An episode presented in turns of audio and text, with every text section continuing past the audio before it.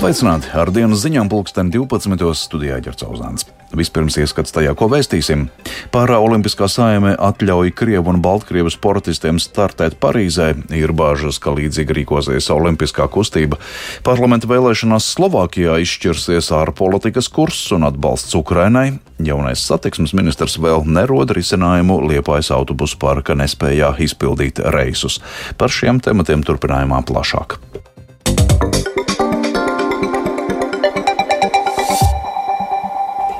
Starptautiskā paralimpiskā komiteja vakar vakarā nolēma atgriezt Krievus un Baltkrievus sacensību apritē. Tādējādi agresoriem dota zaļā gaisma startam arī Parīzes paralimpiskajās spēlēs nākamgad. Paralimpiešu lēmums liek ar bažām gaidīt, ko jau drīzumā lems Starptautiskā olimpiskā komiteja. Vairāk Mārtiņa Kļavinieks sagatavotajā ierakstā. 74 paralimpiskās komitejas dalību valstis nobalsoja pret Krievijas sportistu pilnīgu diskvalifikāciju, 65 balsoja par to, 13 atturējās. Savukārt ar 90 pret 56 tika nobalsots par Krievu daļēju diskvalificēšanu, kas sportistiem ļaus Parīzē sacensties zem neitrālā karoga. Vēlāk ar līdzīgu pārsvaru tika rehabilitēti arī Baltkrievi. Abas agresoru valstis daļēji diskvalificētas uz diviem gadiem, bet to sportisti drīkstēs sacensties neitrālā neitrālā statusā. Krievijas pilna mēroga iebrukums Ukrainā sākās dažas dienas pirms pagājušā gada ziemas paralimpiskajām spēlēm Pekinā, no kurām spēļu atklāšanas ceremonijas priekšvakarā Krievija un Baltkrievija tika izslēgtas. Latvijas paralimpiskās komitejas ģenerālsekretāre Liene Apine Latvijas radio sacīja, ka šis balsojums parādīja, politiku no sporta šķirt nav iespējams. Tieši Āfrikas valsts un Āzijas valsts pamatā bija arī tās, kuras nobalsoja par to, lai Krievijas un Latvijas sportisti var piedalīties Parīzes Olimpiskajās spēlēs. Bet tas nav pārsteigums. Es atceros šos sarunas, kādas bija un uzstāšanās Berlīnē. Āfrikas valstis aizrautīgi visus mudināja neizslēgt Krieviju, pat Armēnijas komitejas prezidents. Šis ir tas apliecinājums, ka sports nav atdalīts no politikas. Diemžēl. Tieši tāpat kā kultūra nav atdalīta no politikas, medicīna nav atdalīta no politikas karš ir visās dzīves sfērās. Diemžēl tāds ir. Startautiskās paralimpiskās komitejas prezidents Andrew Pārsons pēc balsojuma sacīja, ka lēmumu biedri pieņēma pēc ilgstošas Krievu un Baltkrievu uzklausīšanas. Skaidrs, ka agresoru valstu delegācijas pārstāvi klāstīja sev vēlamo patiesību, kas acīm redzot pārliecināja vairākumu biedru no Āfrikas un Āzijas. Pārsons arī cerot, ka visi paralimpiskās saimas dalībnieki šo lēmumu respektēs. Šis svarīgais lēmums lēmums nu esot pieņemts un aiz muguras, tagad par to vairs nesot jādomā, bet jākoncentrējas sagatavošanās posmam Parīzes spēlēm. Gada sākumā Pārsons viesojās Latvijā, vizītes laikā sniedza plašu interviju arī Latvijas radio.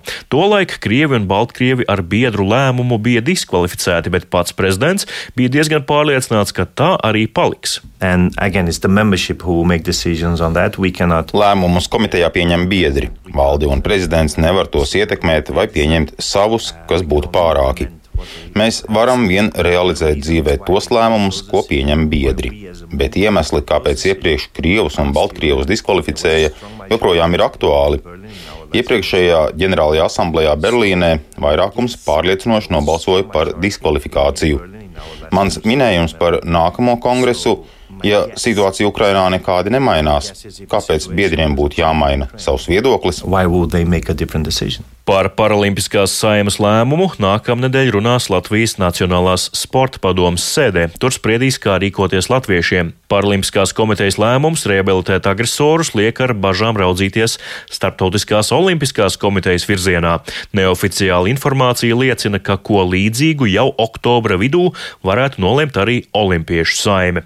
Latvijas Olimpiskā komiteja iepriekš jau vairāk kārt publiski paudusi, ka pašmāja delegācija uz Parīzi nedosies, ja tur jebkādā statusā būs Krievi un Baltkrievi. Mārtiņš Kļavinieks, Latvijas radio.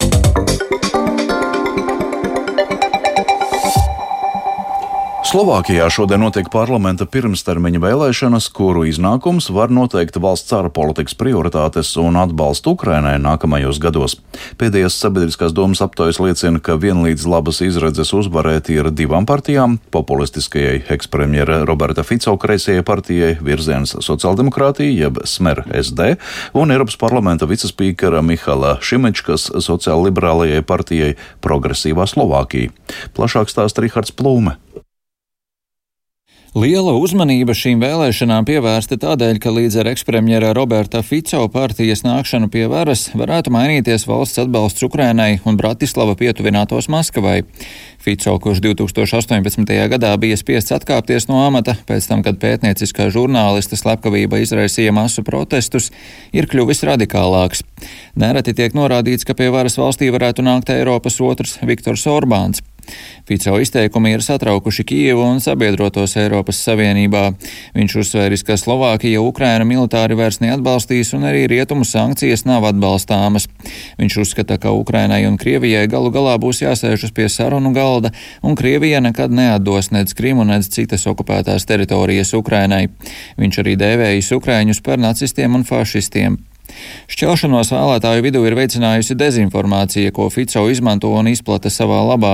Cilvēki noslēdzas par labu prokrieviskiem narratīviem, kuros izplatīti pret Ukrainu noskaņoti viedokļi. Slovākijā jau sen ir bijusi auglīga augsne prokrieviskiem narratīviem, pateicoties iedzīvotāju zemajai uzticībai valsts institūcijām un politiķiem. Taču kopš Krievijas atkārtotā iebrukuma Ukrainā prokrieviskā un anti-Ukrainas nostāja gājusi plašumā. Šī gada sākumā vairāk nekā 40 tūkstoši tūkstoši Slovāku parakstīja petīciju, lai izvairītos no mobilizācijas. Tas notika tādēļ, ka sociālajos medijos tika publicēti maldinoši ieraksti par to, ka Slovāki tiks sūtīti kaujās uz Ukrainu. Brisele brīdināja sociālo mediju gigantus Alphabet, TikTok un Meta, ka tiem jādara vairāk, lai aizsargātu Slovākijas vēlēšanas no ārvalstu iejaukšanās. Pretējā gadījumā viņiem draud lieli naudas sodi. Dezinformācija ir saistīta ne tikai ar Ukrainu, bet arī vietējām problēmām, ekonomikas situāciju, inflāciju un migrāciju. Turpina Peters Bardīs, kurš sarakstījis grāmatu par Fico un dezinformāciju. Slovākija ir slima. Cilvēki nezina, kā izprast ziņas, kā izprast politiķu viedokļus un atlasīt informāciju sociālajos medijos. Un tieši tā ir Smer un Roberta Fico galvenā stratēģija. Tomēr Fico uzvara nav garantēta. Aptaujas paredz, ka nevienai partijai neizdosies nodrošināt vairākumu, un koalīcijas izveidošana būs grūta. Koalīcijas partneru izvēle var būt diezgan plaša, jo sagaidāms, ka parlamentā deputātu mandātus iegūs 11 partijas. Fico varētu mēģināt par partneri piesaistīt partiju Balss sociāldemokrātija, kas 2020. gadā atšķēlās no Fico vadītās partijas un kuru vada bijušais SMRSD priekšsēdētāja vietnieks Peters Pellegrīnī. Tieši Pellegrīnī 2018. gadā nomainīja Fico premjera amatā pēc Fico demisijas. Fico potenciālie partneri, kas arī noraida palīdzību Ukrainai, ir jaunizveidotā galēja labējā partija Republika un Slovāku Nacionālā partija, kas jau divreiz bijusi viņa valdībā. Savukārt progresīvā Slovākija par partneriem varētu izvēlēties partijas no pašreizējās centriski labējās koalīcijas. Balsošanas iecirkņi Slovākijā, kurā dzīvo 5,4 miljoni iedzīvotāju, ir atvērti jau no pulksten 8 pēc Latvijas laika, bet slēgti tiks pulksten 23 pēc Latvijas laika. Īsi pēc balsošanas beigām ir gaidāma nobalsojušo vēlētāju aptauju rezultātu paziņošana, bet galīgos vēlēšanu rezultātus paredzēts publiskot svētdienas rītā. Rihards Plūme, Latvijas radio. NATO ģenerālsekretārs Jens Stoltenbergs intervijā ziņu aģentūrai Reuters paudz pārliecību, ka gan Polija, gan Slovākija pēc vēlēšanām turpinās atbalstīt Ukrainu tās karā pret Krieviju, neraugoties uz pēdējā laikā aso retoriku pret Kijivu. Slovākija līdz šim bijusi dedzīga Ukrainas atbalstītāja, tomēr opozīcijas līderis un bijušais premjeras Roberts Fico pirms šodien notiekošajām parlamenta vēlēšanām solījis izbeigt militāru atbalstu. Savukārt Polijā vēlēšanas gaidāmas 15. oktobrī, un Polijas valdība pagājušā nedēļā paziņoja, paziņoja, ka nepiekritīs jaunām bruņojumu piegādēm Ukrainai, bet fokusēsies uz sava arsenāla atjaunošanu. Krievijas prezidents Vladimirs Putins vakar parakstījis rīkojumu par rudens iesaukumu armijā. Tas notiks no 1. oktobra līdz 31. decembrim visos Krievijas reģionos un okupētajās Ukrainas teritorijās. Obligātajā militārajā dienestā rudenī plāno iesaukt 130 tūkstošus cilvēku. Krievijas militāra personas apgalvo, ka jauniesauktos nesūtīšot karot uz Ukrainu. Bet Ukrainas prezidents Valdemirs Zelenskis šodien pirmajā starptautiskajā aizsardzības industriju fórumā Kijivā paziņoja par aizsardzības industriju alianses un aizsardzības fonda izveidi. Kijivā notiekošajā fórumā pārstāvēti 252 aizsardzības uzņēmumi, kas ražo pilnu ieroču un aizsardzības sistēmu un risinājumu klāstu no vairāk nekā 30 valstīm. Kā skaidroja Ukrainas prezidents, aizsardzības industriju aliansē var pievienoties ieroču un militāra aprīkojuma ražotāji no visas pasaules, kuriem ir kopīga apņemšanās apņemšanās nodrošināt reālu aizsardzību pret agresiju.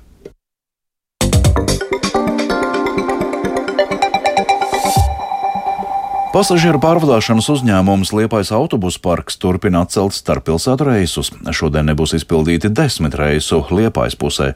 Kopumā šomēnes uzņēmums atcēlis jau vairāk nekā 270 reisu, un tādējādi ietekmēt varētu būt pat tūkstošiem pasažieru. Pagājušā nedēļā jaunais satiksmes ministrs pieprasīja paskaidrojums, taču pēc Latvijas radio novērojumiem situāciju apgrūtina ministra un autotransporta direkcijas nesaprašanās. Vairāk Viktora Demidova ierakstā.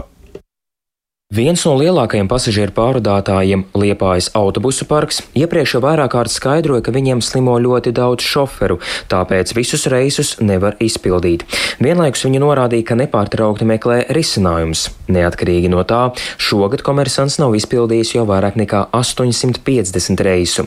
Jaunais satiksmes ministrs Kaspars Briškens no progresīvajiem atzīmē, ka viņa iesaiste nepilnu divu nedēļu laikā procesu ir iekustinājusi. Šobrīd notiek uh, līdz līguma pārskatīšanas process. Cik tā mēs esam informēti, arī autotransporta direkcija runā ar autopārdātājiem par iespējamām korekcijām līgumos vai līgumu izbeigšanu apusējā ceļā. Turpretim autotransporta direkcijā norāda, ka laust līgumu ar Liepājas autobusu parku viņiem nav prioritāte. Turpina direkcijas pārstāve Sanita Heinsberga. Šī kā parasti ir viena no iespējām, Un tā vēl ar vienu ir iespējama, bet uh, tas nav šobrīd mūsu mērķis un noteikti nav vienīgā vai lielākā vai prioritārākā iespēja. Briškins uzskata, ka problēmas otrs risinājums varētu būt lielāki sodi, kas pārdātājiem būtu jāpiemēro. Nevis šie sodi, kas ir 500 eiro mēnesī maksimāli, bet tomēr faktiski sodīt par katru atcelto reisu. Par katru neizpildot jau reizi pirmkārt eh, netiek eh, maksāts parādātājiem, un arī ir līgumsots par katru neizpildoto reisu. Es ceru, ka tad viņi atnāks un arī man izstāstīs, kā šie sodi tiek piemēroti. Līdz šim man ir radies iespējas, ka neatkarīgi no tā, vai tiek atcelta 50 vai 500 reisi, ir šie soda griezti 500 eiro mēnesī un ir ļoti sarežģīti piemērot augstākas sankcijas. Tā ministrs Briškens tagadējos sodus par maigiem sauc Baltijas korporatīvās pārvaldības institūta vadītājs Latvijā Andris Grafs, uzskatot, ka izmaiņām līgumā ir jābūt. Jautājums, kā rīkosies otra puse, jo līgumu var grozīt tikai tad, ja abas puses piekrīt. Un šeit nu gan es nebūtu ļoti optimistisks, ka iepirkuma rezultātā iegūtās konkrētais pārvadājums šis skaists un izpildītājs būs absolūti gatavs palielināt šos līgumsodus. Nu, līdz ar to man liekas, ir jāvērt arī šī iespēja izbeigt līgumu, jo ir skaidrs, ka, ja ir problēmas, ja mēs mēs visu nu, teksim, to Latvijas tirgu, ja citiem pārvadātājiem šādas problēmas nav, nu, tad attiecīgi tad tā problēma tiešām ir konkrētā pārvadājumā, nevis šajā līguma kopējā sistēmā. Autotransporta direkcijā norāda, ka kopumā Liepājas autobusu parks šogad nav izpildījis mazāk par 1% no visiem reisiem. Uz jautājumu, kāda ir tā robeža, līdz kurai uzņēmums var tā rīkoties, noskaidrojās, ka tādas nav. Viktors Damidovs, Latvijas radio. Un Latvijā sākušās Eiropas putnu vērošanas dienas, tajās aicina ziņot par redzētiem gaiputniem. Šādi dati ir vērtīgs ieguldījums dabas aizsardzības mērķiem, tostarp vēja parku plānošanā, norāda ornitoloģijas biedrībā. Putnu dienu programmā šajā nedēļas nogalē vairāk nekā 20 pasākumu dažādās Latvijas vietās. Izskan dienas ziņas 12. tās producēja Edgars Kupčs, par labskaņu rūpējās Rīta Karnačs un Renārs Štēmans studijā Ģercauzāns. Yeah. Kā ziņo Latvijas vidas geoloģijas un meteoroloģijas centrs, Rīgā šobrīd 18 grādi, dienvidrietumu vējš 4 m2, atmosfēras spiediens 761 mm un relatīvais mitrums 90%. Dienā Latvijā ar mainīgu mākoņu daudzumu brīžiem atsevišķās vietās iespējams neliels lietus. Bet palaikam arī spīd saule. Rietumu dienvidrietumu vējš 4,8 m2, piekrastē brāzmās var sasniegt 16 m2. Gaisa temperatūra 16,19 grādi. Rīgā mainīgs Vējīgs mākoņu daudzums, rietumu dienvidrietumu vējš 4,8 m2. Pārsvarā pēcpusdienā būs bez nokrišņiem - 17,19 grādi.